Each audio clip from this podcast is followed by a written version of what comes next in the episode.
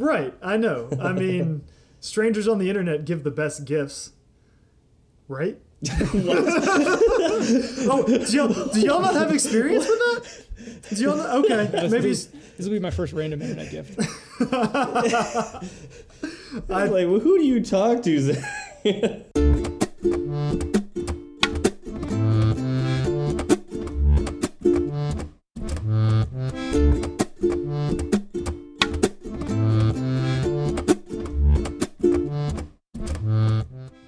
Steve. And I'm Zach. And I'm Sean. Wait, Special guest, iOS developer, iOS YouTuber, and this is Fireside Swift. what? What just happened? Hey. Sean. It's my job now. You're done. Oh no, I'm being kicked off Hey, my it was, podcast. it was a good run. 15 episodes. It was a good run. I'm gonna hang up. I'm gonna hang up the headphones. You know, go out. You know, it's good to know when it's time to go out. Now is the time to go out, I guess. Yeah, Sean really just pushed you out. Uh, I you that- know.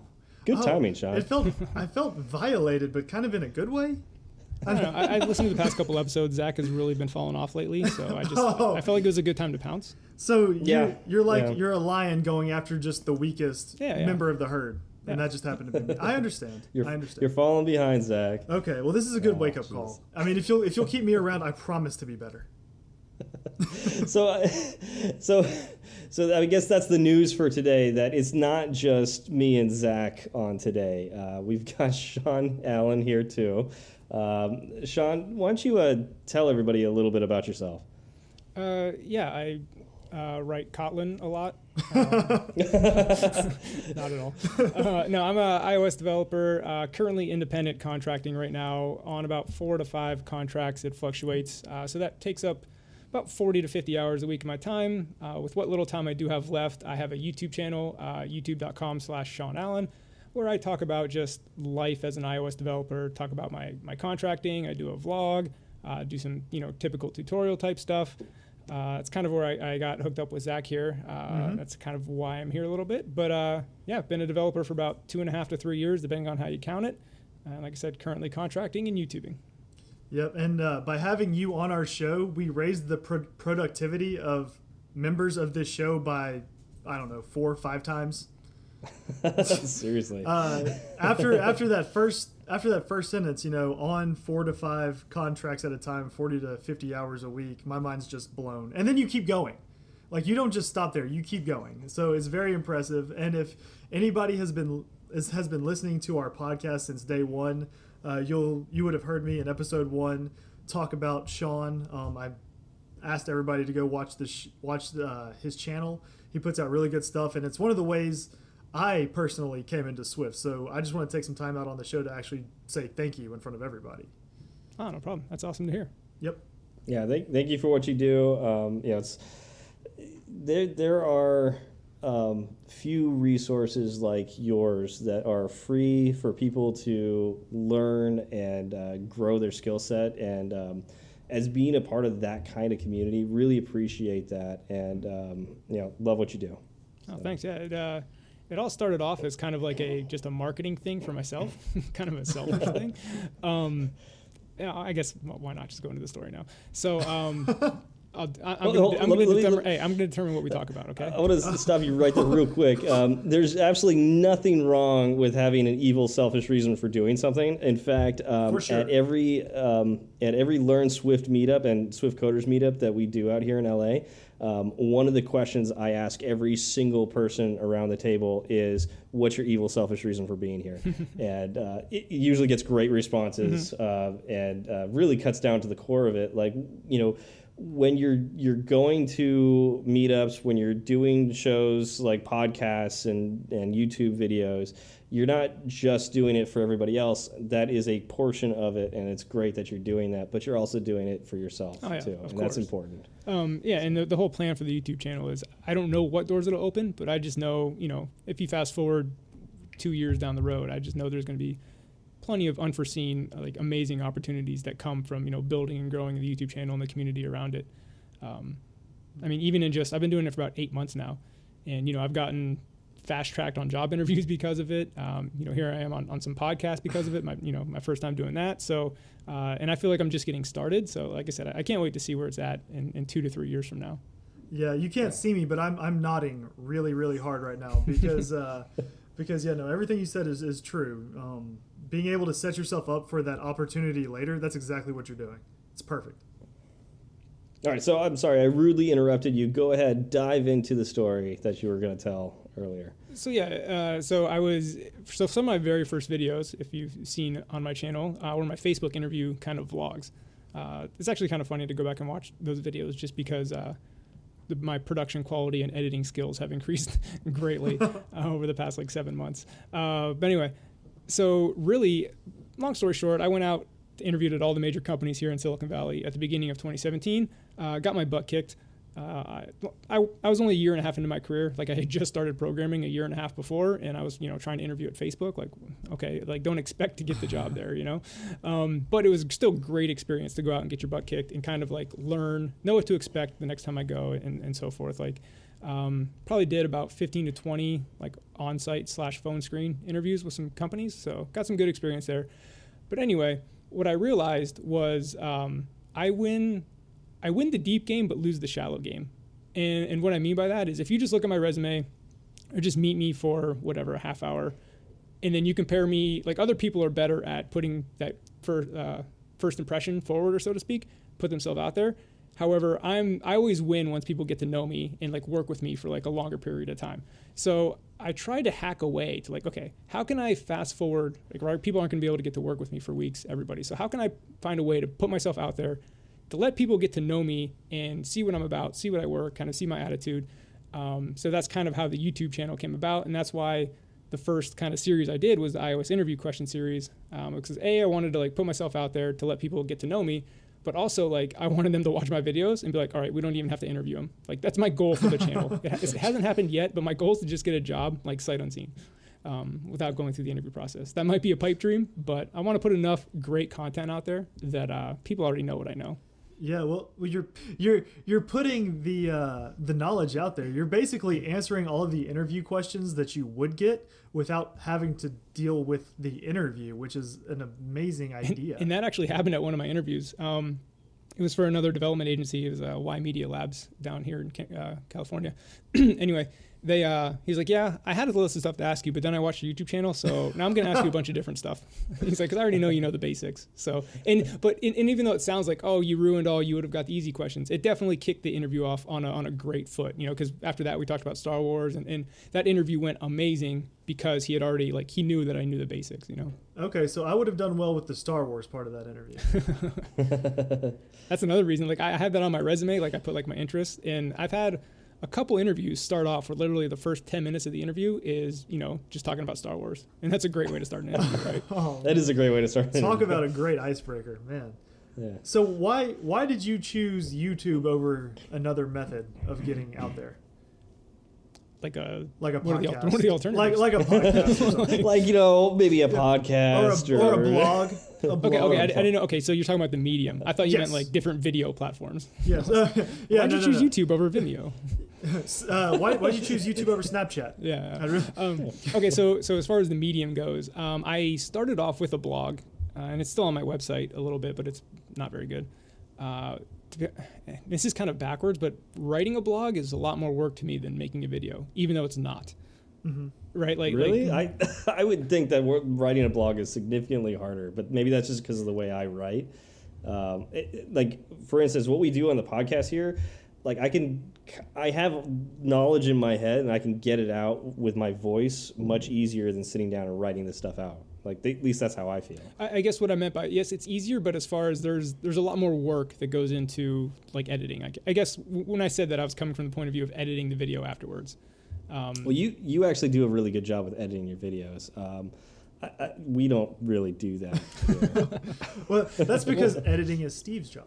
Well, it's funny. Exactly. Yeah. I don't do my homework. That's, that's why it doesn't get done. I, uh, it's kind of a personal thing because like I hate watching YouTube videos where there's so much dead time and I'm constantly skipping forward and then sometimes I'll skip too far. So I try to like just have a no downtime in my videos uh, which is kind of funny because half of my audience says, and I, and I, I do talk fast, but half of my audience, and they're not native English speakers, so I get it and I, I empathize with them, but they say that I talk way too fast. Um, but then again, half the comments are like, I love how fast you get through your content. It's awesome. None of this downtime. So it's like, y- you guys probably get you know contradicting comments all the time. Uh, it's hard to please everybody. Yeah, well, personally, Yes. uh, I enjoy it because one of one of the things I do around my house is I'll I'll you know walk my youngest daughter to sleep, and uh, I can go through a couple of your videos while I'm doing that. So I just feel extra productive. She falls asleep, and I learn you know two or three new Swift concepts. nice. Yeah. Uh, so we want to talk to you specifically about the job interview process uh, when it comes to Swift interviews. Mhm. You seem to be one of the uh, foremost voices out out there. At least you're the foremost that I know, and I'm not professing to have Right. insane knowledge. Um, but the way you break down not only just Swift concepts, but like you said, your vlog where you talk about uh, what you do in your day to day life and the interviews that you have gone on, um, they really put you at the top of the pack as far as I'm concerned for uh, this this topic.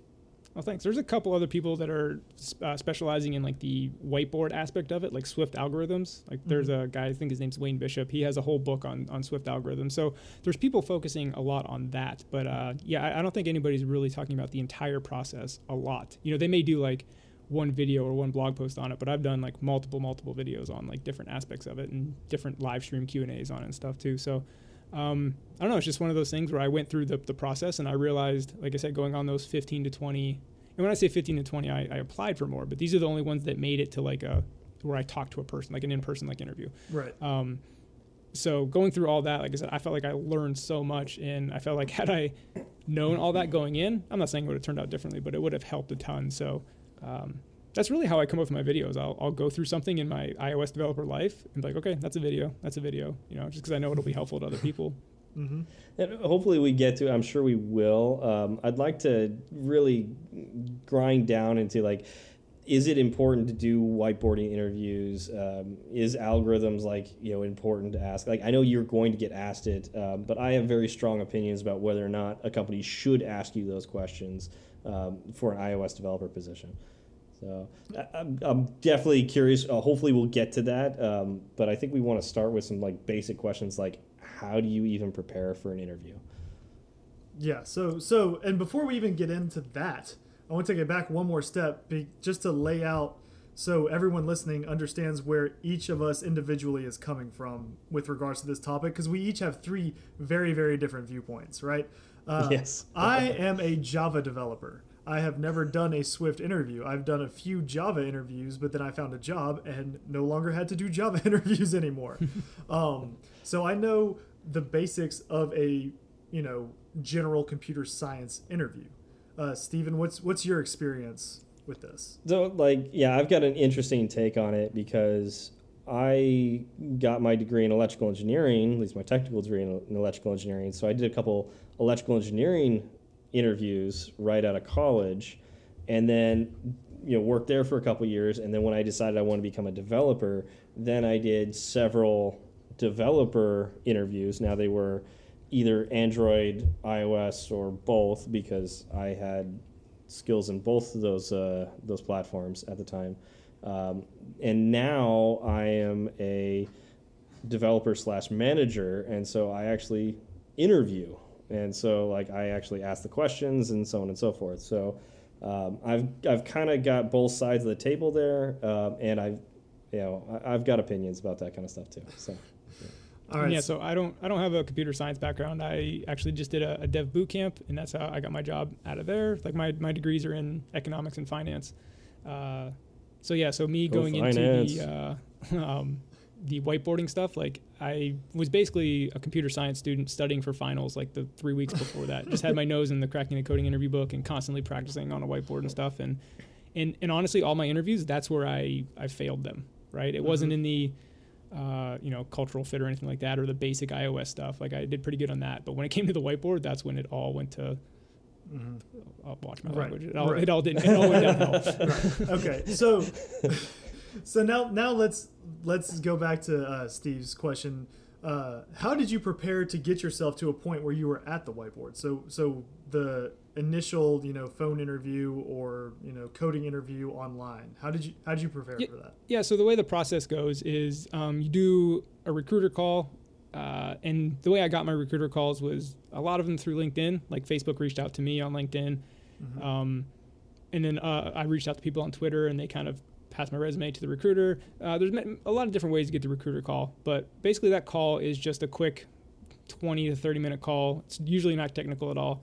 And then uh, where, where I'm going with this and why I'm bringing this up is because the recruiter is going to tell you about the process because every company does the process differently. So this is where you're going to find out what the process is going to be. Sometimes it involves a take-home test. Sometimes it involves whiteboarding. Sometimes it doesn't. Right? Like everybody's Mhm. different. So the reason I bring up the recruiter call is because this is where you're going to find out, which will then lead to how you prepare. Um, Now you're you're talking about like a company recruiter, not a headhunter out there. Yes, correct. Uh, well, I mean, I, I've dealt with both, um, but for the for the context of this, yeah, it'll be like you know Facebook's recruiter or Lyft's recruiter. Uh, nice. Yeah, for this Do context. you know how? Do you know how Facebook? So you said they contacted you through LinkedIn.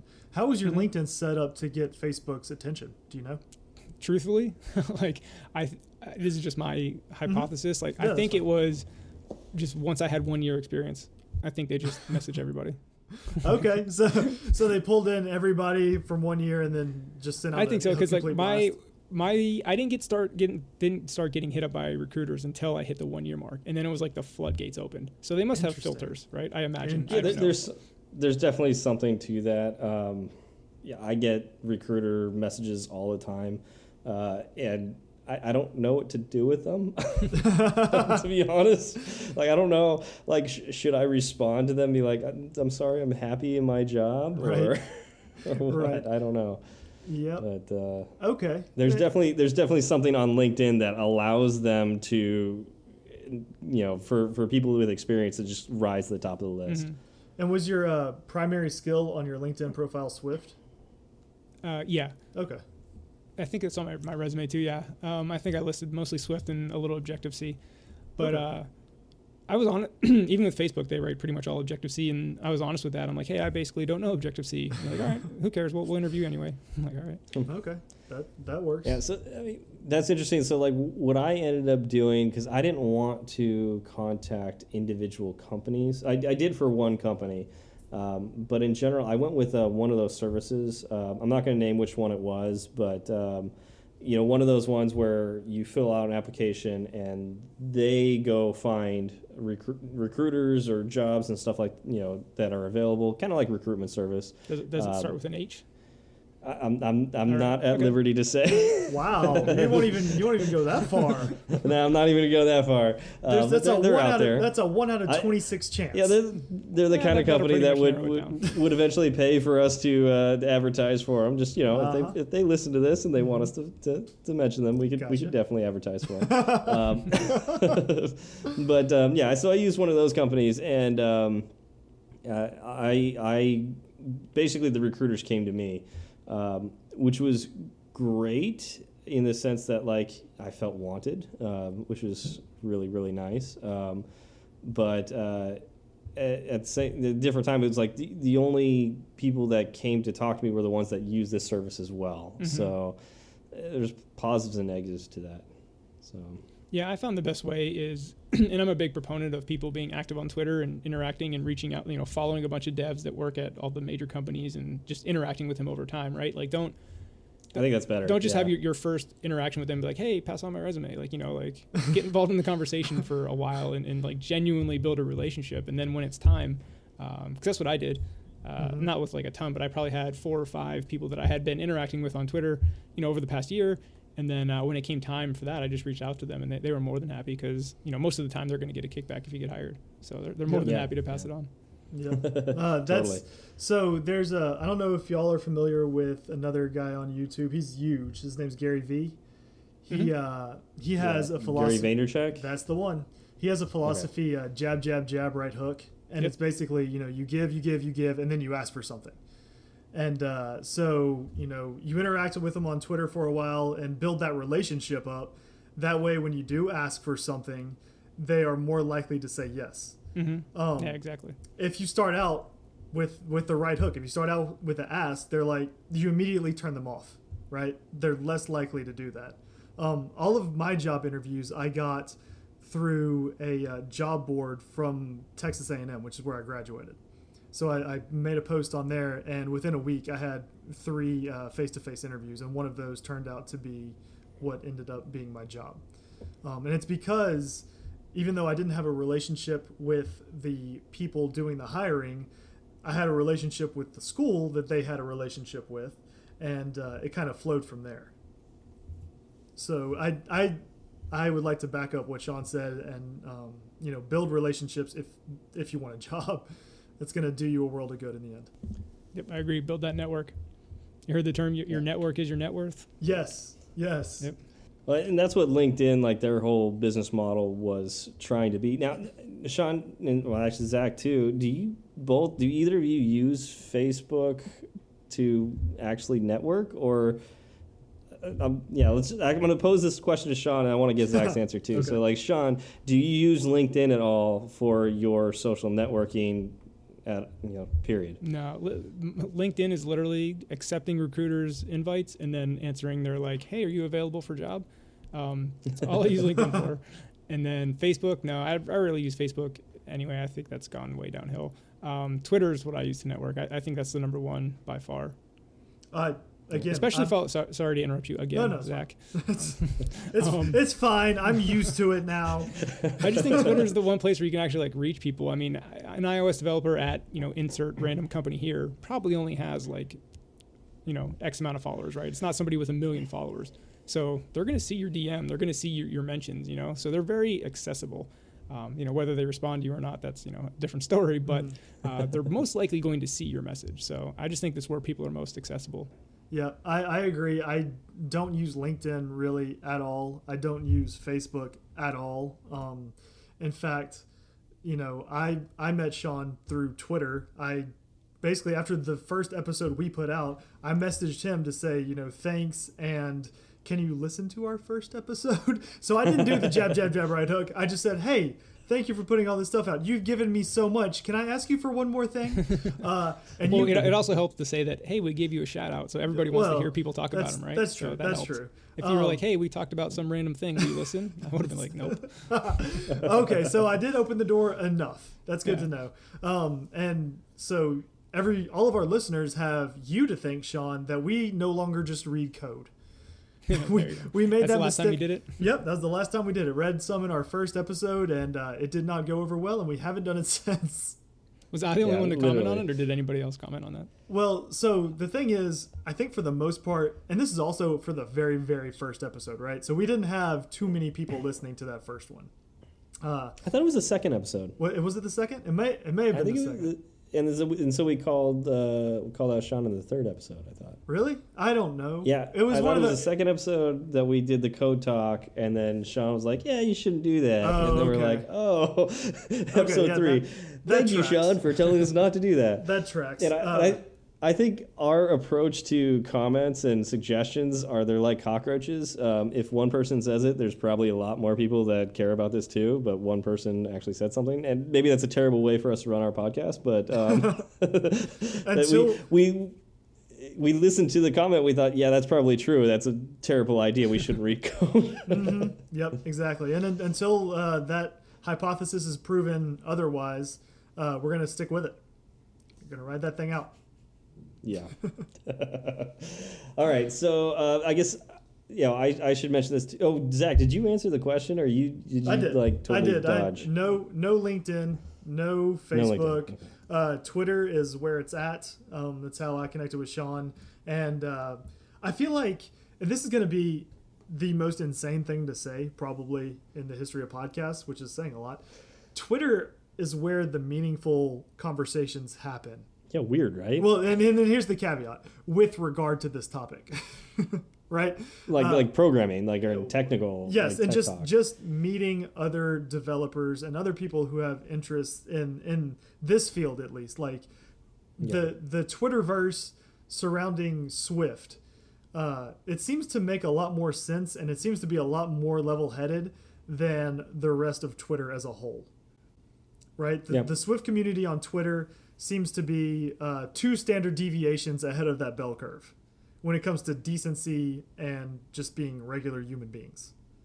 Yeah, I would agree with that, and that, that's why, like I said, that's my number one tip to like new people is because I didn't start getting active in Twitter until I was like two years into my career, and you know, had I like met more senior developers that could have helped me along the way, like that just would have helped out a ton. So yeah, it's it's my number one recommendation to like people just starting out. Mm-hmm. Yeah, I, I absolutely agree with that. I wish I got more involved with Twitter earlier. Um, I had my reasons for not doing it, but uh, they weren't good reasons, and I should have just totally dove in. Uh, yeah, so I, I don't use LinkedIn to network, um, even though I do have my network of people on there. Basically, like I get people who request to be part of my network, and if I don't know them, I don't accept them. Um, so because I feel like that defeats the whole purpose. Um, Is that you So talking about I- I- LinkedIn? Yeah, LinkedIn. See, I have, a, I have an open door policy. I don't care about LinkedIn, Just right? like so I don't. anybody who I never look at like my feed on LinkedIn, and so like all- whatever. But Facebook, I don't- I'm I don't look at the feed. because I don't want Yeah, that I- cluttering up my feed. Yeah, I, I just feel like if if I want somebody like look at the people that know me, I don't know. I, maybe I'm I'm totally doing LinkedIn wrong. Uh, I'm sure I am because I don't use it that much. Um, but yeah, so I don't look at my feed and I update it every so often with updated resume and, and whatnot. But that's about it. Um, I don't use Facebook for just about anything. Um, to the you know sadness of my family because like my entire family uses it and they're like well you didn't hear about this thing it was on facebook we posted pictures about it on facebook i'm like uh, okay Yes, yeah, I'm the same way. My family, my family is like, "Hey, are you coming to that party this weekend?" And I reply, "Party?"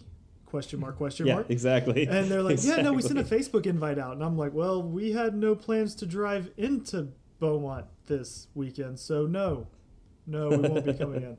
Um, but yeah, it's it's uh, it's an interesting way because, like you said earlier, like you need to network, but how you network also matters. Yeah. And yeah, so like I guess the final thing is I got on Twitter probably about two years ago. Well, no, I was on it before, but I didn't really I wasn't active at all. Uh, about two years ago, I started actively consuming Twitter, and um, some people were joking. In fact, uh, Joe was joking on Twitter the other day that um, I mentioned this to to Garrick that I just consume Twitter. I don't talk on it, and I've since switched with this podcast where I'm actually you know engaging with people on Twitter, and uh, yeah, it's way more fun. And I do feel like I'm actually forming a network now, whereas before it was sort of you know, kind of this weird you know tech blog reading thing that I was using Twitter for. So, Exactly. That's kind of what I did in the in the beginning of uh, when I first got my YouTube channel going. I should still be doing it, um, but like Zach, you mentioned Gary Vee. I'm a big fan, so like you'll recognize this tactic. But like, uh, just I would sit up on Twitter just at night, you know, when laying in bed, typical phone routine. Um, part of that routine would be to search uh, Twitter, um, you know, search learning Swift or learn Swift or what, whatever. Swift insert Lang, iOS dev. Yep. Yeah, yeah. Search the hashtag, but then also search for people like that say I'm learning Swift or something like that, and then you know you'd find all that, and I would just go in and start like talking with them, whatever they commented on about learning Swift. I mean, you know, sure sometimes it was a canned response, but like, you know, congrats, it's it's fun. Let me know if I can help, you know, and then they'd look at my profile and they see the YouTuber and stuff like that. So uh, that helped out um, get followers and subscribers early on in the day. I don't do it much anymore. I, I should, but uh, just another way to hack Twitter. Yeah, yeah, no, I That's agree. I think that's that's a good idea. Um, because starting out, and I, I guess this kind of also ties into the interview questions because you know you're going to use your uh, you can even use your subscriber base to attract uh, interviews, right? By saying, "Oh, I have you know a thousand people watch my videos every week." That means more to someone looking to hire somebody uh, than if you don't do anything, right? Uh, yeah, I mean, it, it- I mean, you, you also never know, and it's good to build relationships with your subscribers. And, and like as you guys may know, I have a Patreon community, and that has a Slack channel around it as well. mhm. Uh, there's about 50 to 60 people in there, but uh, and I do personal coaching, and a lot of the people I coach are also in that Slack community. Um, but kind of the point of the job interview question, I was telling them, you know, my plans for 2018 to kind of make the rounds again. And uh, he asked what companies I was looking for. Turns out, like he used to live in the Bay Area. Uh, he's like a product manager looking to become a coder. Um, so he's like very familiar with tech. He's just looking to now make the switch. Mhm. Um, but yeah, he turns out he knows a few people at Apple and is willing to like you know put my name, you know, give my resume and get me an interview. So like obviously he can't do much past that, but just getting an interview and having that in, um, right. yeah. kind of like bringing it back full circle. People always ask like, how do you get these interviews at these awesome companies? And it's like you it's through people you know, you know, and you never know Yeah. where it's going to come from. Like Yeah, that so- just came from like a casual conversation. Like when I was in our coaching session, I had no idea that that would turn into that, you know. Right. Yeah, so, sometimes that's all you need. Um, a buddy of mine uh, was interested in looking at a particular company out here in Santa Monica, and my father happened to have gone has gone to like a conference at this company and met like one of the people working there. Um, and he, he found the business card, and I was like, I, I told my buddy, I was like, I don't know if this will help, but uh, here's the email and name of this guy that my father knows, so you can use this connection. And uh, long Wow. story short, that got him an interview, whereas like the recruiting page didn't, and you know ended up he's working there now. Yeah. So it, it's it's sometimes just having that connection to be able to talk to somebody instead of going through the recruiting page Mhm. is all you need. Yeah, I call that going through the front door. Uh, like just going to the site and like typing in careers and looking. Yeah, You you know, never going through. and I've The, never peop- going through the front door. Working on Main Street, Santa Monica, I get people doing that every so often. Uh, there was a guy who literally walked in our front door, said, "I, you know, was curious about you guys. Here's my resume. Are you looking to hire?" Wow. Uh, we didn't hire him, you know, but But it got him in the process, he- probably. it got it got him right in the process. He jump started him and uh, got him through the interview. So like sometimes that's all you, it, it takes. You know, literally walking up to a company and, and walking through their front door. So it seems to me that what what we're saying uh, abstracted, you know, whether it's a relationship, whether it's going through the front door, that that's standing out from the crowd, right? Because all of these people are going to have a stack of resumes on their desk. You know, if they're hiring one or two positions and they have a hundred resumes, you are going to need to uh, kind of jump to the top of that pile in some form or fashion. And whether that is, you know, oh, can we take a look at this guy? Bob from accounting knows him and says he's great. Or walking through the front door, doing something that no one else really does to kind of uh, lift yourself out of the crowd. Right? So, Yeah, so do something that isn't, uh, do something to set yourself apart, I guess. Yeah, Yeah, I'd I think that. that's good advice. Yeah. Okay, so so what are some good resources that you use for your interview process or to prep for your interview process? so all the iOS related stuff, um, I don't really have one resource. Um, you know, all the stuff like automatic reference counting, memory management, delegation, all that stuff. Um, that just came from you know various resources all over the internet that you know you guys probably know about various YouTube channels, Mhm. raywenderlich.com, Mm-hmm. uh, all that good stuff. Uh, but when it came to the whiteboard stuff, it was definitely just 100% cracking the coding interview. Um, just going through there. There's a nice GitHub repo. That, so cracking the coding interview is all written in Java. So I, funny enough, I actually could probably read a little Java now thanks to that. thanks to that book. Can't write it, but um, uh, so anyway, there, there's a nice GitHub repo where they converted everything to Swift. Uh, so there's all the solutions are in Swift, which helps out a lot too. Oh, seriously? Because one of I've heard you speak of the cracking the coding interview before. Um, I read it a little to prepare for my interviews um, last year, and I knew everything was written in Java. I was going to ask you how hard it was to convert everything to be Swift related, but it looks like they've done the work for you. Uh, to an extent. So they'll come up with uh, one, as you know, going through these uh, questions. And for those, I don't want to speak like everybody knows this. So typically in like algorithm problems, there's a bunch of different ways to solve it with varying efficiencies. Um, so you can start off with the brute force way, which is usually the, the least efficient way to do it, uh, but it's a solution. Um, And then there's like a, a spectrum of solutions where like the next solution will be a little more efficient, and then so on and so on and so on until you get like the the best, uh, most efficient solution. So um, the cracking the coding interview GitHub, at least when I looked at it, they really only have one solution, um, and it's uh, I can't remember if it's like the most efficient one or not. So uh, yes, it helps, but it's not as good as um, the Java in the book because a lot of times she'll go through multiple answers to the solution and explain why this one's more efficient and why this one's better. Okay. Okay. So, um, ha- okay, so uh, let's go. Let's go with like. Get let's get a little meta here. Um, Uh-oh. Uh-oh. So I, I understand that like there are people that ask the questions that are algorithm based or you know cracking the coding interview book based. Um, now, do you feel, Sean, that uh, these kind of questions actually help the company find the right people to work for them? Nope. All right. Next question. No, yeah, just we're, we're all on Um, the same page there. No, because I feel like, So- uh, and this is going to be me being biased. Back to what I said about I win the deep game but lose the shallow game. Um, like I said, I'm confident no matter I could get hired at the best like take Apple for example and I know that if if I got hired there and I worked there for you know a month or so they would be like yes this was a great decision we're happy we hired him and I feel that way like name a company um, in iOS development obviously you know the, Right. the Warriors aren't going to want to hire me to play point guard you know Well, but I don't know. I'm, Um, they, they may have so- a so don't don't sell yourself like, short, man. right. Custom so, so that's how I feel like that. I about myself. Like I, and I don't know, maybe that's just irrational confidence, whatever. But uh, and I also feel like the whiteboard interviews sc- screened me out. Right, like that was basically the reason why I didn't get hired for for most of the positions uh, was because I did horrible on those.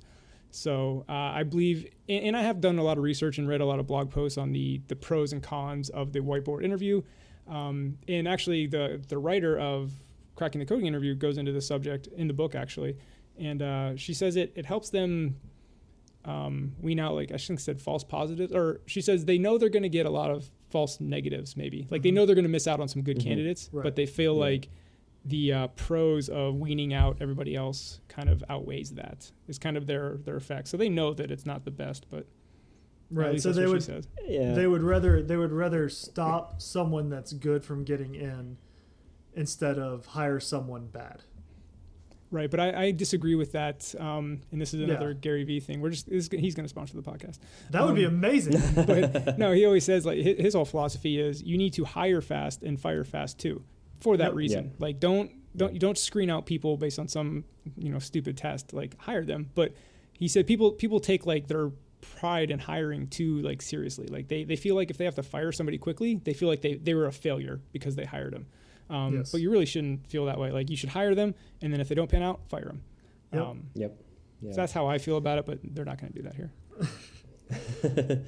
I, yeah, you know, I, I think I'm okay with basic whiteboarding um, because of the, you know, as long as you're not too stringent on it. Like, don't don't ask, you know, somebody. what's your definition of basic whiteboarding?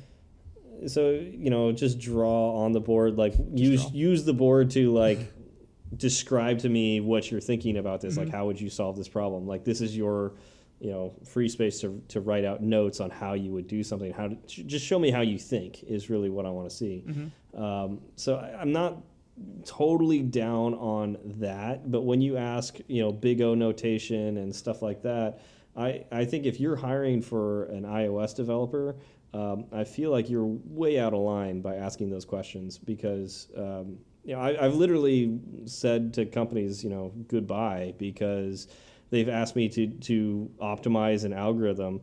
And I, I look at them and go, I don't want to work for you Yeah. because like I want to make iOS apps. I don't want to, you know, build, you know, the the operating system from the ground up again. Um, so yeah, I, that's kind of how I feel about it. And like I I'm I'm really like against that kind of interviews. Just tell a little Um, quick side story that piggybacks on that. Uh, I won't name the company, but one company here in the city, uh, I made it to the final interview, which is the grueling, you know, five hour long, all day interview on site, and uh, literally didn't get asked a single iOS question because their i their head iOS developer wasn't there, and then like they were hiring me as like the they were hiring like two people or something like that. Anyway, long story short, didn't have any iOS developers to interview me. So it was literally an entire final interview for an iOS developer position that was nothing but like CS based whiteboarding questions. Oh, Um, that it sounds didn't like go a well. nightmare. Don't believe it or not, didn't go well. Um, oh my but- god. yeah, so I was I was like, and I even like said at the end because I was kind of I wasn't like mad, but I was like, what what, what the hell? Sorry. Um, no, no, that's that's. I think that's warranted at that point. But like I was, you know, I was like, really? Like I'm here for a final, uh, you know, interview for an iOS position, and literally not a single, not even like ex- explain, you know, reference versus class or whatever. I said that Right. wrong. Reference versus value. reference versus I would have failed. yeah, yeah, that would have been interesting. Yeah. Not, Zach, not even, didn't we- even like we cover that you, you know, sometimes We people did. will break out like a, a worksheet and be like, hey, I'm supposed to ask this question. Like not even anything like that. Oh, jeez, oh, yeah. that's Yeah. terrible. I mean, Yeah. at at that point, you would have rather had them reschedule that interview, right? Yeah. Like just Yeah. reschedule I mean, reschedule the interview that, because yeah. y- Well, I didn't know it at the time. Like, I'm kind of Right. like, you know, going through my interviews and I'm like, no, really? Anybody gonna ask me any iOS questions? Right, I was, well, I was like, I was flabbergasted. I didn't know what yeah, to do. and that's and that's what I'm saying. I'm like, it- it's it should be on them to call you up and say, hey, I know this is last minute. I'm sorry, um, but we don't have anyone here that is competent enough to ask you the kinds of questions that you need to be asked for us to uh, gauge how knowledgeable you are. And we will just reschedule until that situation is fixed. Right? Like Yeah, that's that's just what you do. Yeah, I- feel like that would have been the right thing to do. But I mean, nobody. That's that's that company, and Yeah, yeah. we can't tell them what to do. I can. maybe that's how I they can hire tell all the, the time. The, the masked, abstracted company exactly what it should do. So my my favorite um, kind of interview is um, one where they give me a project, um, and then we talk about that project. Like uh, you know, I deliver it, and then we talk about that project, and that's that's the the my favorite kind of interview to give is giving uh, potential candidate a, a project, giving them a you know basic requirements and a deadline. This tells me, um, you know, if, do they follow instructions? Do they have questions? You know, what kind of questions do they ask? Um, and, and then I can look at their code and then see, you know, do, what does their code look like? You know, given vague instructions, like do they is it is it readable? Is it you know is it crazy? Do they go? Do they they spend too much time on this? Because that's another side. Do they go overboard and and throw in all the bells and whistles when I didn't ask for all the bells and whistles? Um, and then it, this gives me something to talk talk to them about when they come in to interview.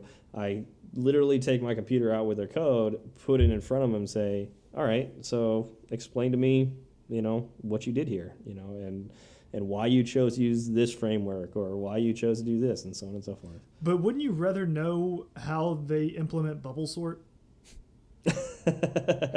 No, I'm going to agree with Steve No. 100%. I, I love the take home project. Uh, I excel at those because give me, you know, two, three, four hours, however many you want in my own little world and I can work how I work. Like, I'm good.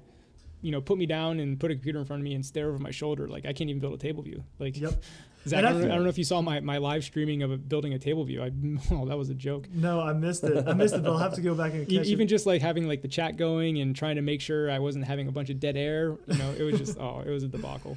Uh, See that I, I used to be pretty bad at that too, but now I do that for the meetups, uh, Oh, okay. and so it's it's you know talk about training yourself. Like I, Mm-hmm. I do live coding during the meetups every single time. See, I don't understand why more people don't do the take home project because it seems to me that that is the best uh, indicator of how a potential candidate, you know, would do their actual Well, job.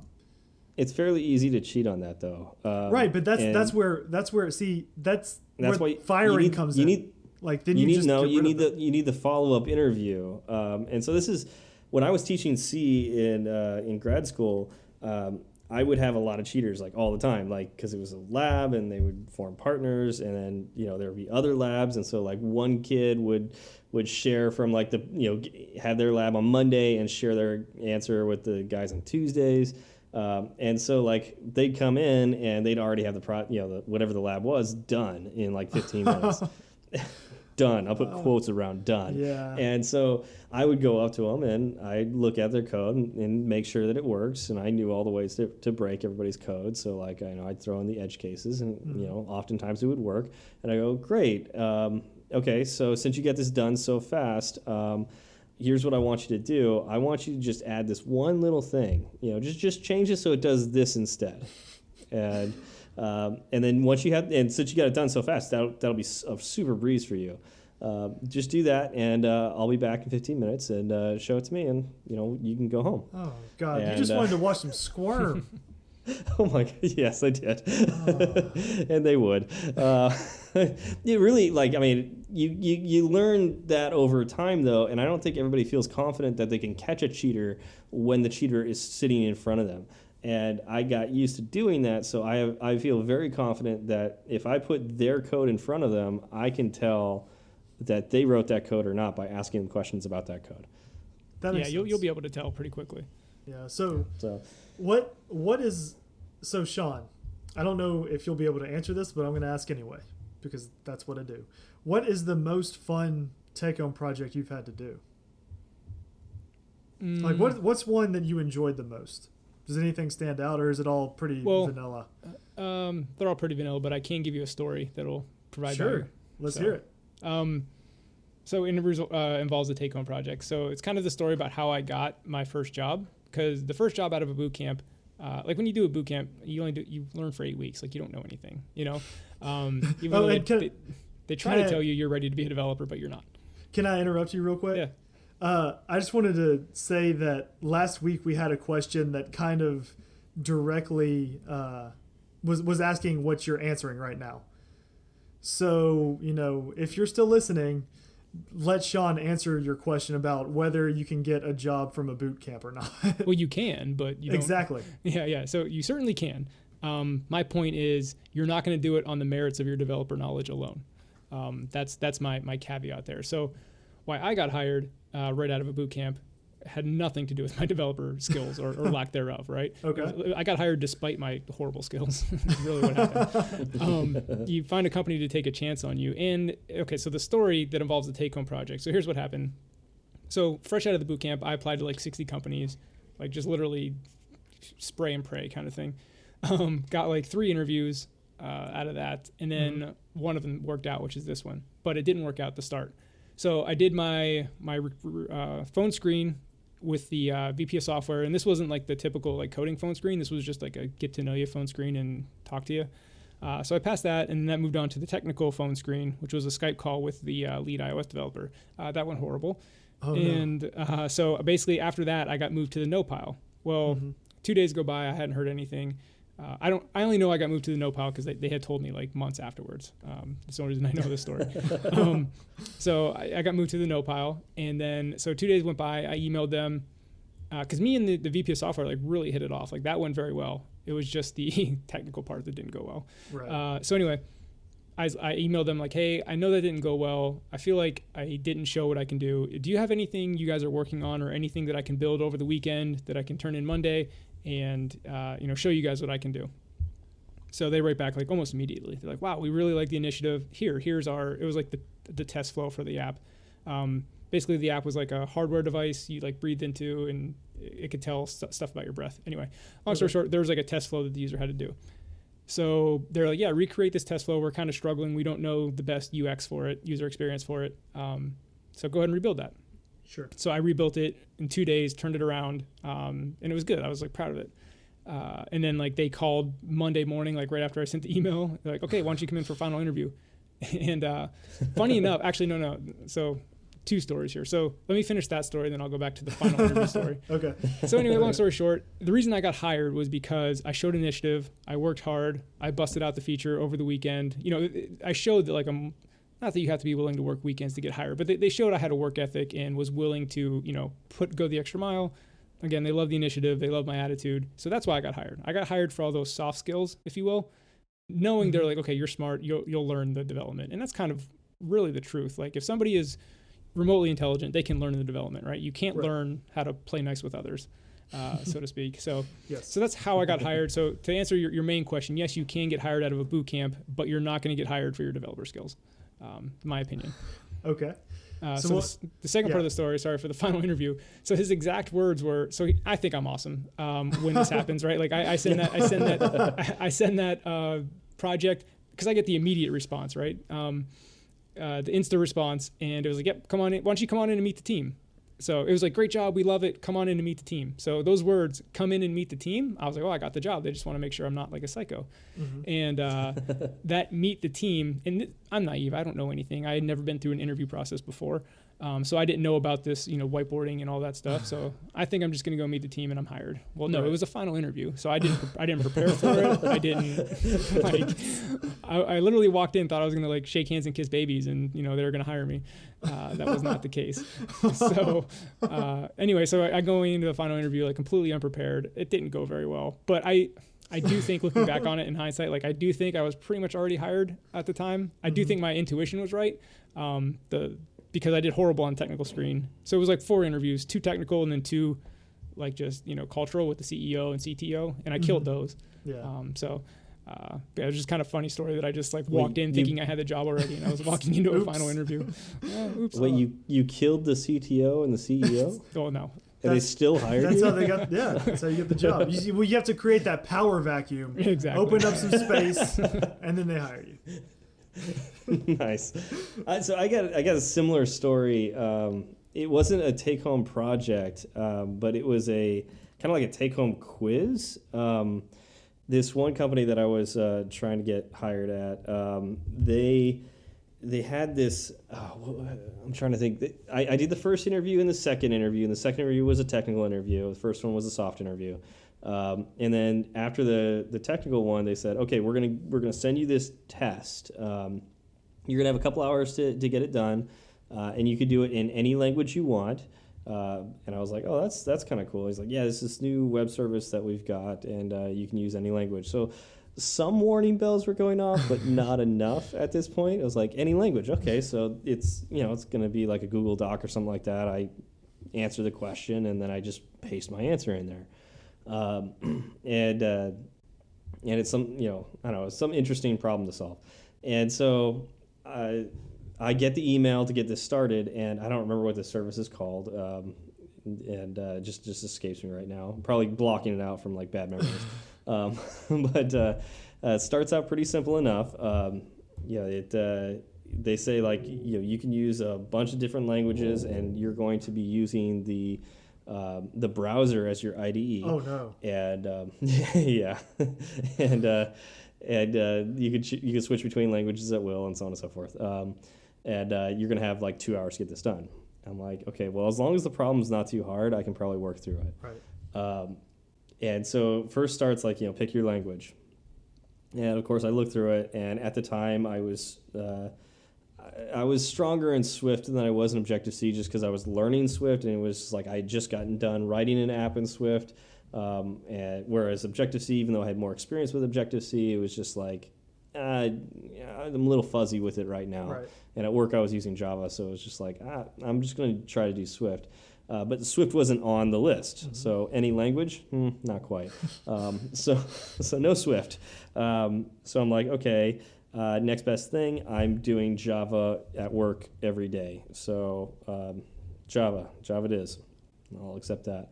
Uh, so we go in, and um, it was an interesting question. It was kind of a interest, not an algorithm question, but like a kind of a brain teaser puzzle question. Um, and uh, it, you know, it was, it was kind of neat to, to think about. And um, I, uh, I start writing, and I realize that I, in Android development, I'm so used to in Android Studio and Eclipse um, that uh, if I'm missing a thing in Java that I know exists, like array lists or something like that, um, I can just import that you know particular thing, right. and I get to use that particular thing. Yep. Um, yeah, you couldn't do that in this software. Oh no. so, and I didn't know like what I had and didn't have in Java. Right, because you don't you don't know just base, the basic core framework, like everything from yeah. like you said, array list to swing and uh, SWT yeah. and all that like action yeah. events. Yeah, no, there, there's a lot there. Totally. That I just click on the I click on the red flag and it says, "Would you like to import X, Y, or Z?" And I think, yeah, yep. perfect. So, so I'm like, oh, this is not going to be good. I should just like, since I don't know what the base level Java is, I saw Objective C in the list. They'll have that. That you don't do that in Objective C because it's like Swift, where it's just like one import statement at the top and you're good to go. Um, Okay, so let me let me back out and go to Objective C. So I switched to Objective C. so how, wait, how, how far did you get in Java? Like how much time did you eat up in Java before you realized uh, you didn't have imports? Like I don't know, like 10, 15 okay. minutes, like reading the question yeah. and getting started. Yeah. So I wasn't deep into this. Right. Um, and so like I I switch over to Objective C. I start working Objective C for a little bit, and then I realize – this isn't the Objective C I'm used to. What's going on here? it turns out it was uh, GNUstep, if I remember right. Um, it was uh, this was like the open source Objective C that was literally years behind uh, what Objective C was at that point in time. Sure. Um, and sure. I remember, and I only knew this because when I first started learning Objective C, I wanted to, I really wanted to learn it early, and I had a computer with Linux on it, and so I installed Objective C because I didn't have a, a, Mac, and so like I was learning Objective C on on Linux, and I realized that there were certain things that was missing there too. So uh, it turned out I was like, oh crap, I can't do this in Objective C because again I don't know what I ha- I have and I don't have. Um, let me, and there was something basic I, I didn't have that I needed. It's like, oh, okay. Um, uh, let me switch to C. Uh, you know, you can't not have something in C, right? um, so I was working in C for a little bit. Then I realized I would need to convert. Uh, I would need to convert integers to strings and strings to integers, and I did not want to do that in C. so I was like, oh no, what do I do? I switched back to Java, worked in Java for a little bit, and then I realized, wait, this is a browser. I should think browser. And so I switched to PHP. and by this point, I was like halfway through my time, like, What? or more than halfway through my time. And I was like, PHP, that's going to have everything that I need. And turns out it did. It had everything I needed. It wasn't a butchered version of the language.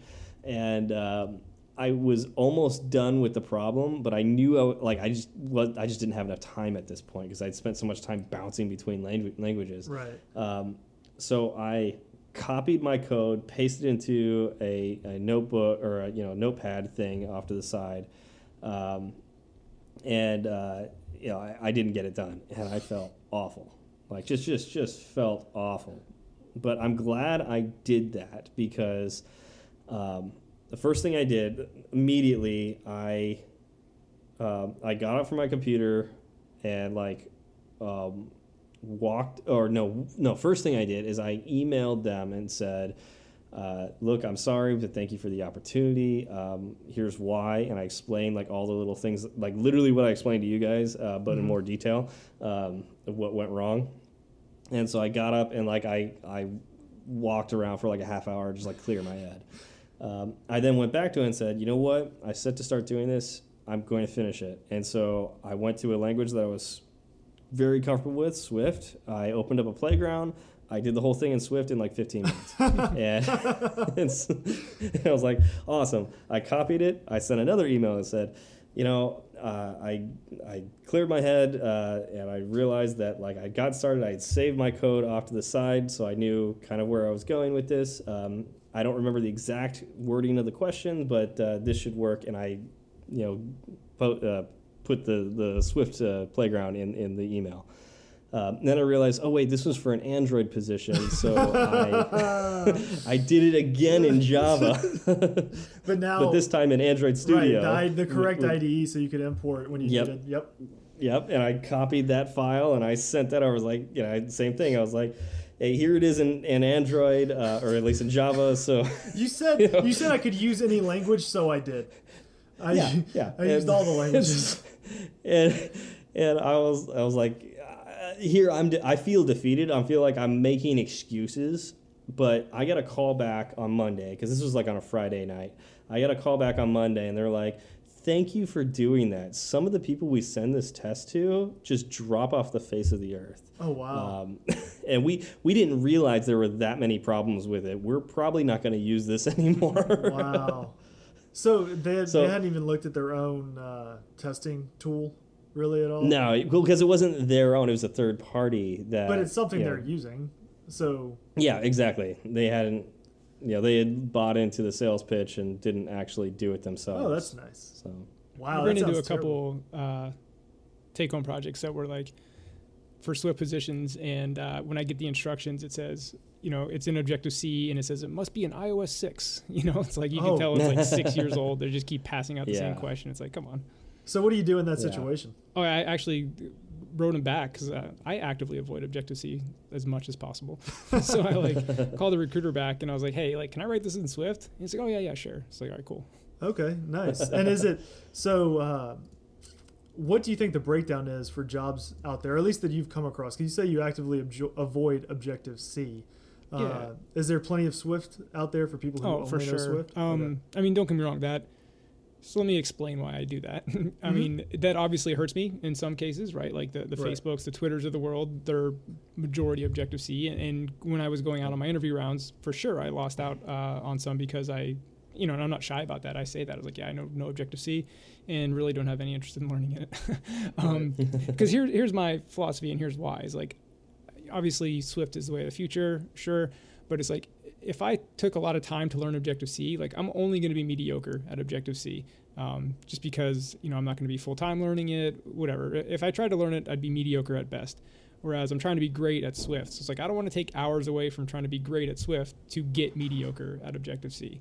And I, you know, I believe eventually, obviously, Swift is going to take over. Mm-hmm. So I, I think I'm only paying the price for not messing with Objective C here in the short term. I feel like long term, it's not going to be an issue.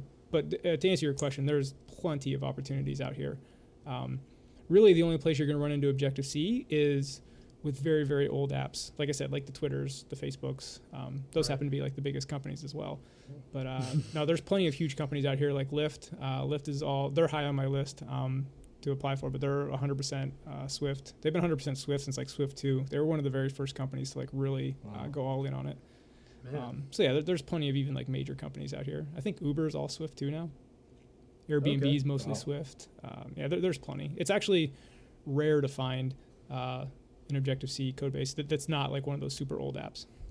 Okay, that's cool because you know I, I listen to other podcasts. It's shocking, um, but you know whenever whenever they they get the stats out of how many how many apps in the App Store have some Swift component in them, it's always a very it's it's starting started mm, shockingly small uh, to me. I would think there would be more, but I think last time I heard it was something like twenty to eighty percent or 20% to has it to 80% that doesn't and i don't again i don't know Well, I also feel I feel like that's numbers a that's a bad bad data set, right? 'Cause if, Okay. if you look at if you look at all if you're looking at all apps on the App Store, right? The majority of them were built before Swift was even a thing, and may have not even been touched since Swift came out.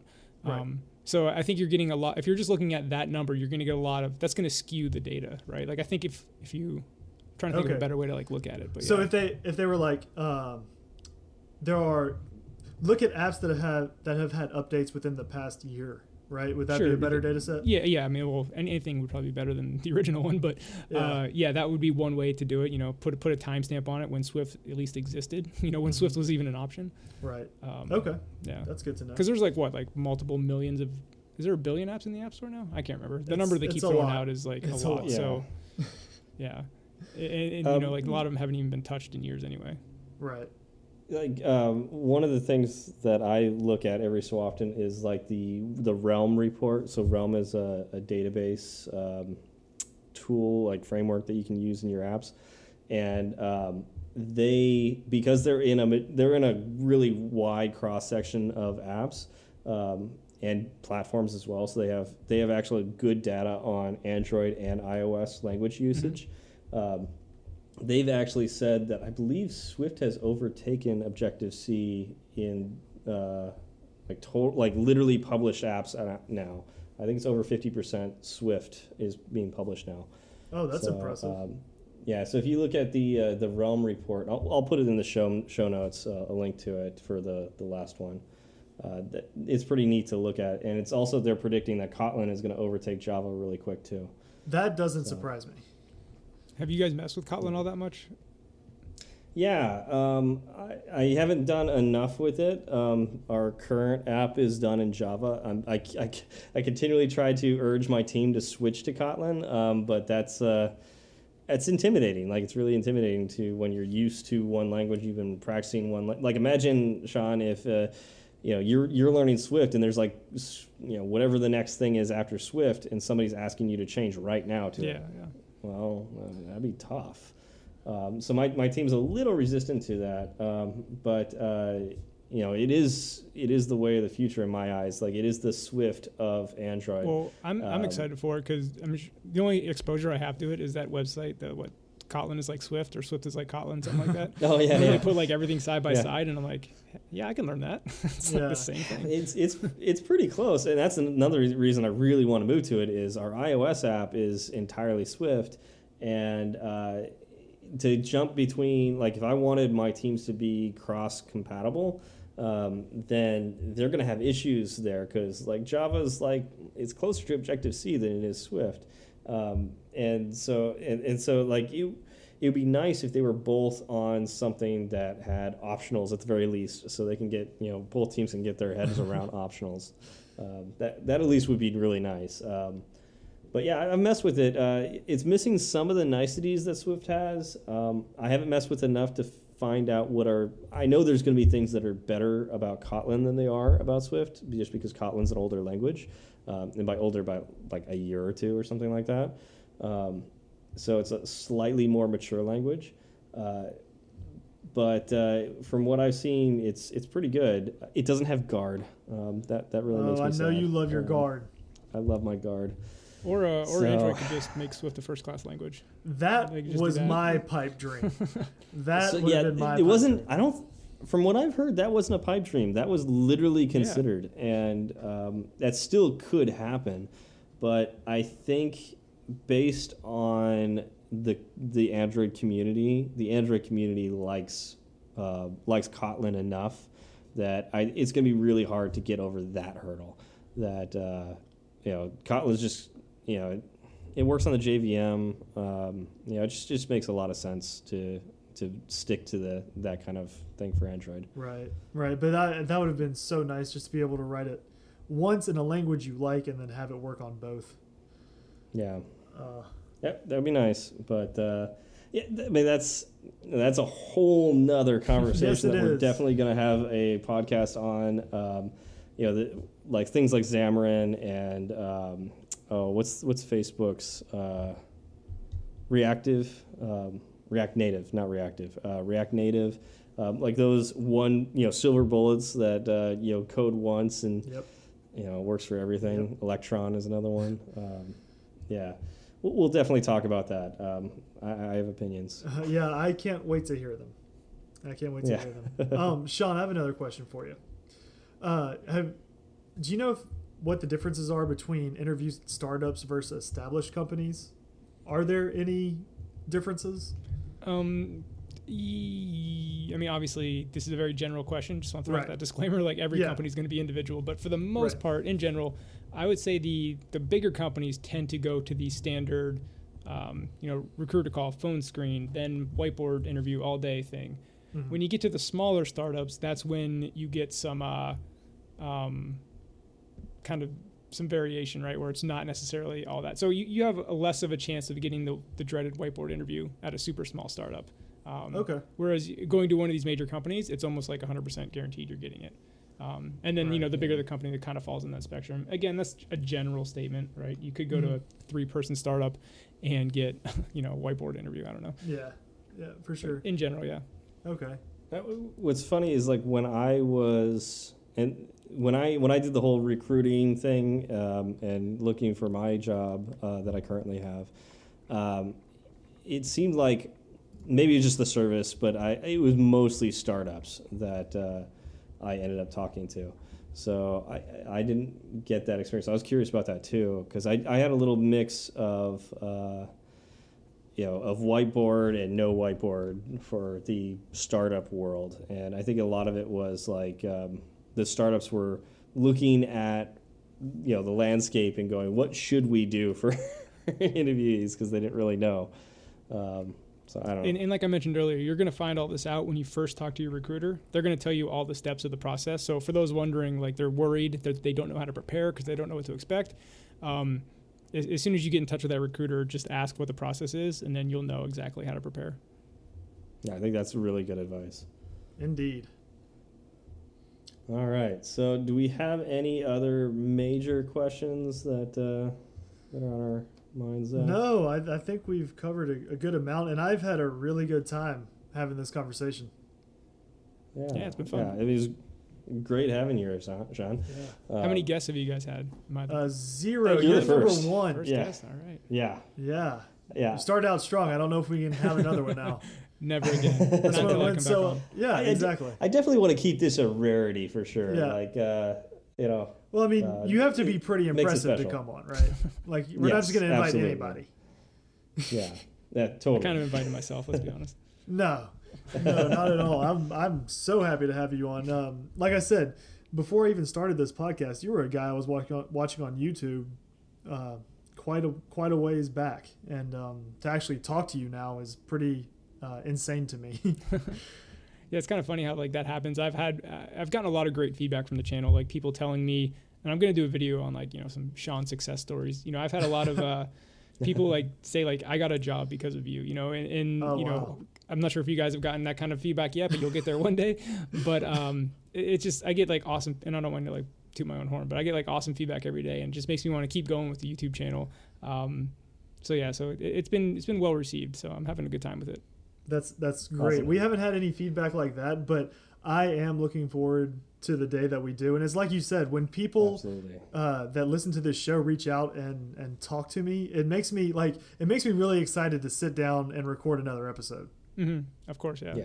Yeah, And it's hard when you put stuff out on the internet because like sometimes they're just numbers. Like, oh, I have twelve thousand views. You know, you're not, you're not Yeah. attaching those views to people. right. Um, so It's that's just- why when it's cool when you get a lot of the same commenters like on YouTube and a lot of the same people that show up, you know, to the live streams. You start to get to Mhm. like know people, and that's when it becomes real, so to speak. Exactly. Yeah. No. When when you realize that there are people out there on the other side of this microphone, on the other side of the keyboard, on the other side of the camera, um, it's kind of kind of incredible to think, right? Yeah. And s- Speaking of those people, you took my segue. Uh, we've got uh, some shout outs to give out. So I'm going to let Zach do that since I uh, stole the segue from him. went through all of that setup work and then you just take it. I'm not okay. All right, so uh, we we have some new reviews. Um, this is personally one of my favorites. Milkshake and Tabby. Milkshake and Tabby left us a review on November second, a five star review. Very appreciative. Uh, then we had Joe Cab, also on November second, come through with a, another five star review for us. And like like I just you know spoke to Sean about, this makes us so excited. Uh, and Joe Cab even used the word funjucational, which you know I'm pretty sure that's like he just invented that word, and I'm I'm happy, and and you know I approve. Oh, me too. Me too. The fact that we could be the catalyst to put that word out there uh, makes me really happy. And then, Yeah, Webster, if you're listening to this, that needs to go in the dictionary. exactly. Uh, this one's going to be fun. Uh, Miyotki? Miyotke? I'm not sure. Um, someone from the Reddit thread that suggested uh, to someone else to listen to us when the original poster uh, was looking for other resources. Um, he left a, a review for us as well. And uh, I believe that's at Miyotki on Twitter. So thank you all so much for your reviews. Um, it's it makes me so happy going through and seeing those uh, when they do come up. Um, and if we could get more, that would be fantastic. Yeah, literally, uh, you guys are the reason we do this. So thank you so much for uh, letting us know how much you appreciate us. I thought Uh, you were 'cause we doing it. you. I thought you were doing it to talk to me. I mean, it, it is nice that I get to talk to you, um, you know, at, at least once a week. Um, but, uh, you know, most mostly it's for them. Mostly. Man, I start getting pushed out of my own show. I then this comes out. I don't know. I don't know how I'm feeling about this episode anymore. so, and always, um, we want to let you know about the uh, Swift Coders network of podcasts. Um, so that's Swift Coders, uh, Learn Swift, um, and of course us at Fireside Swift. Um, Zach, do we have anything to talk about with uh, the recent episodes of Swift Coders or Learn Swift? Um, well, I did want to point out that Sean, I think that uh, you've been interviewed by Garric and will be on an upcoming episode of Swift Coders, correct? Uh, yep, should be out in a couple weeks or so. Oh, I'm really, I'm really looking forward to listening to, to that, and I'm hoping we didn't step on it too much during this episode. Nah, nah, not too much. Okay, There's a little bit of overlap, but not not not a Good, lot. good, Yeah, excellent. so, you know, for those of you who listen to us but don't listen to Swift Coders, um, Swift Coders dives into basically like how people got started in Swift and like tells their story from literally like when you're a little kid and you first you know got your pro you know first programming language um, you know or first experience with programming all the way up to what you're doing now. Um, and Garric does a fantastic job uh, interviewing people doing that. So if you don't listen to Swift Coders definitely tune into that so you can uh, listen to Sean's story. Exactly. And uh, so, where can they reach you, Steve? uh, so I'm gonna get it right this time let's see. Uh, S W B W E W R. What is it? Something like that. Uh, so you can reach me on Twitter at uh, SW Berard. That's uh, B E R A R D as in dog. And Zach, how about yourself? I am at Z Falgout one. That is F as in Frank. Well, Z F then. Oh man. See, look, I've been thinking. You did it. I've been You thinking did it. Oh, it was my turn. It was my turn. Okay, let's All right, that is at zfalgout1. That is at Z F as in Frank A L G O U T and the number one. And how about you, Sean? Mine's gonna be a lot easier than that. All the, you guys. it's just Now you got to mess it up too, right? Yeah. it's at Sean A 0400 on Twitter and Instagram, uh, and then uh, what's my, what, what's my YouTube channel name? Oh yeah, YouTube YouTube.com slash Sean Allen, just S E A N A L L E N. Uh, check it out. and we will throw that link in the show notes. I really, I mean, from whatever early episode it was when I first, you know, shouted Sean out, um, still putting out great content. That hadn't changed in the past, you know, two months. Uh, I love everything he does, and I I consume everything he does, and I try to be there for those Sunday live streams because that is uh, some of the best interaction you can get with him. So I strongly, strongly urge everyone to go and watch those. Uh, jump on those live streams if you can. Um, it's always a good time. Thanks for the kind words, Zach. Of Appreciate it. course, of course. Um, and our show has a Twitter account. We're at fireside underscore swift. Well, thank you everyone for coming out this week. And we'll see you next week. Thank you, Sean, for being on the show. Thanks for having me, guys. Y'all take it easy.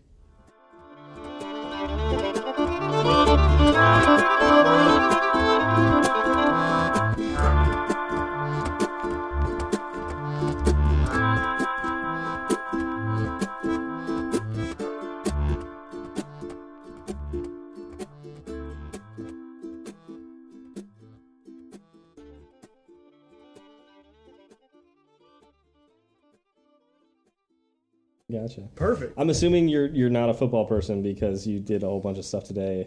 Um, That's actually an interesting football. topic. I used to be diehard football. Um, this is the first year I haven't watched a down of football all year.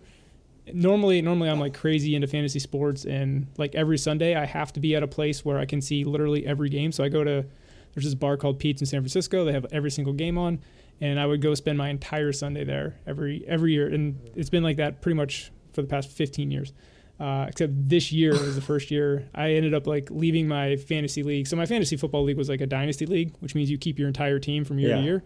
And you know we had been running that Yeah. for like 10 plus years, so it was a pretty serious and Oh, pretty league with all like my friends from back home. But once I moved out to San Francisco, it kind of lost its appeal because you know, it was like a social event, right? You know, hey, let's watch the games. We're all in the same Yeah. league. It gave us something to talk about. But now that I'm out here, like, this is gonna sound sad, but like by myself, right? like like my friends aren't out here, right? You know? yeah. um, my hometown Yeah. friends. So not, there's like nobody to watch the games Yeah. with that, that is like in the league that I can like you know talk. Am I allowed to swear? I don't know. Uh, that I can like bad mouth to. Sorry, that I can you know No, run my mouth to. So uh, anyway, long story short, it lost its appeal. So it's kind of an interesting thing. Yeah, this is the first time on Sundays that my whole day isn't spent watching football. So it's kind of nice. I'm a lot more productive. So you were watching football only because of fantasy That's what football? that's what it morphed Like, into. You, I mean, obviously, growing Okay. up, I was a fan of just you know the game, but then over you know 15 years Mm-hmm. of, and and I think it's what dynasty a dynasty league does to you, um, because Yeah, you get to keep for your, your players like you draft them as rookies and you keep them you know potentially their whole career. So you you just become fans of players more so than uh, teams because like you're you're a fan of your team, you know the team you built over 10 years. Uh, so Yep. So you, go ahead. I can I can understand how you get very invested. in Yeah. that. So uh, yeah, I, I became the typical fan that's been ruined by fantasy sports, and then now that I don't do fantasy sports, uh, I don't watch the games. wow. Yeah, that's something that like I've had to just kind of rectify in my head uh, because I, I enjoy the game of football, but I have and I, I enjoy fantasy football, but I have noticed that since I've gotten into fantasy football, it has like I'm rooting for the mm-hmm. wrong things. Mm-hmm. I'm, not, I'm not rooting for the team to win. I'm rooting for weird situations. I'm like like if my quarterback is playing, I'm hoping they get into a hole really fast. Like and I hope that they're catching up like the entire game, but like not too far back, but like they know they've got to throw it the whole game. Yeah, it, you know, it kind of ruins like you as, that. a, as a you know true fan of the game a little bit. I mean, don't get me wrong, you're, you're probably more Yep. knowledgeable about players than you were as a normal Yep. fan, but. yeah. Uh, yeah, you definitely, like you said, you start rooting for weird stuff, or you're not even like really care about the outcome of the game. Yeah, yeah, and I thought that was it. That was one of the things I really did like about fantasy football is that instead of just caring about my team, like other players of other teams, like mattered to me. Like I, I cared about other teams and and like these other players. Um, but I, I also see the whole point of like I don't care about them as like actual players. I care about them as point Right. generators for Stat sheets. fantasy. Yeah, for stat sheets. Mm-hmm. Yeah, I did. I did fantasy football for uh, one year, and it wasn't with anybody I knew. It was just an online thing. I thought, you know, I'll go ahead and give it a try. Um, I was not a fan, just because, and it, it'll probably it would probably change if I was in a league with people I, It, knew. it would have. but having having zero control over the outcome, which I know you do based on the lineups you play, um, it I don't know, it felt really bad to me, and I don't know if I I could have also been, uh, as you said, getting very into it for the wrong reasons. You know, I'd I'd be watching a game, uh, it'd be a close game between me and whoever I was playing that week, and they'd put a different running back in, and I would just lose it. I would be like, it's we're, we're it's, it's second and goal from the two. How are you not Yeah. going to give it to your starting running back? And uh, I, I you know, have someone I, else I yell at my TV today. Yeah. exactly, and just having having absolutely no control over that kind of situation made me lose my Yeah, mind. it, it can be frustrating. It made me frustrating. lose my It was also like an opportunity cost thing for me as well. Like I looked and I'm like, I'm literally spending the entire day Sunday in front of this TV watching football, and I go to a bar, so I like I eat and drink horrible food, so I I probably consume a stupid Yeah. amount of calories. Whereas it's like okay, and I spend probably 50 bucks because San Francisco's ridiculous. Um, so between spending the money and Yeah. eating So- horrible calories, I'm like, if I just went and played basketball on Sunday and actually was productive, like it's a, a super win. So what Yeah. you said, fifty bucks? That's what, like a six ounce right. beer and two No, two that, wings that was just for in the San that was for the water. Oh, yeah, the water. did you want a clean glass? Okay, that'll be fifty bucks. Yeah, when I was getting my engineering degree, I cut out. I like I, the first couple weekends of of you know classes. Um, I was watching football, and I did this. I noticed the same thing that I wasn't doing anything but watching football those days, and like in engineering school, like I just had so much homework all the time that like I, I you know kind of like you're thinking now like I, that's just wasted opportunity. Like I, i'm going into mondays uh, like way unprepared. I can't do that. And so uh, for the two years that i was doing that i completely cut football out of my diet and uh, went cold turkey. And it was it was hard for me because i used to watch a lot of football and uh, yeah having to not watch any of it kind of sucked for those two years and i was really excited when i you know came out here and I felt like I could watch it again. Now I've kind of gone overboard again. So oh no, pull I back. probably should. I should probably pull back. Uh, see, I, I feel the same way. And uh, watching Sean, watching your videos, you've made me really want to go out and play basketball again. I played I played basketball from the time I was four, all the way through as a senior in high school, and uh, I played like that decade and a half of basically the first two decades of my life. Uh, it just kind of burnt me out on it to the point where when I went to college, I was like, I am done. Uh, then now I, I played off and on once I got out of college, and now I've been watching you. I'm like, man, you know what? I really, I really want to go lace them up and go hit hit the court again. Yeah, I, I had a similar process. So I played my entire life all, all through high school, and then uh, for some reason, played a little bit when I was in the Navy. We had like a, a boat team, um, but from from like 23 to 28, I didn't play at all, and then picked it up again when I was like 28, and now I've since from 28 now I'm almost 36. I've been playing like four days a week uh, for that span. So I don't know why I wasted the, the prime of my athletic career, like not doing anything. but uh, That's yeah. that's that's the exact same uh, story I have. Is just you know I again I I'd like to say that I was just so burnt out on it be, uh, because sports for me growing up were a major part of my life to the point where when I went to college I was like oh I can just kind of kick it and this is a vacation. I, I basically took a four year Right, right. vacation in college. Um, it didn't really work out for me all that But yeah, well. it's awesome here because the, the gym. I play at, there's every pretty much every day there's a 6 a.m. run, a noon run, and a night run. So because I work from home and can basically make my own schedule, it's like I can play pretty much whenever I want. I mean, obviously the 6 a.m. never wins, but but between lunch and, and night, it's you know it's nice to have that kind of flexibility. So yeah, the, the gym that's right near me is, is awesome for that. okay, and are y'all awesome. playing full court five yeah, on yeah, five, full court five ones on and five, twos? uh, twos and threes. Uh, yeah, twos and Twos threes and to threes. 21. Um, it's cool. There's a there's probably a pool of like 100 guys between all the time slots. Um, Yeah. Each each probably individual night there's probably 20 to 30 there. Um, so it's nice, you know, you get the, you get the crowd of people Wow. like waiting to get on. So if you're if you're playing real well, you know, you, you get hear all, hear it all from the peanut gallery and all that stuff. Yep, Nice. that's awesome.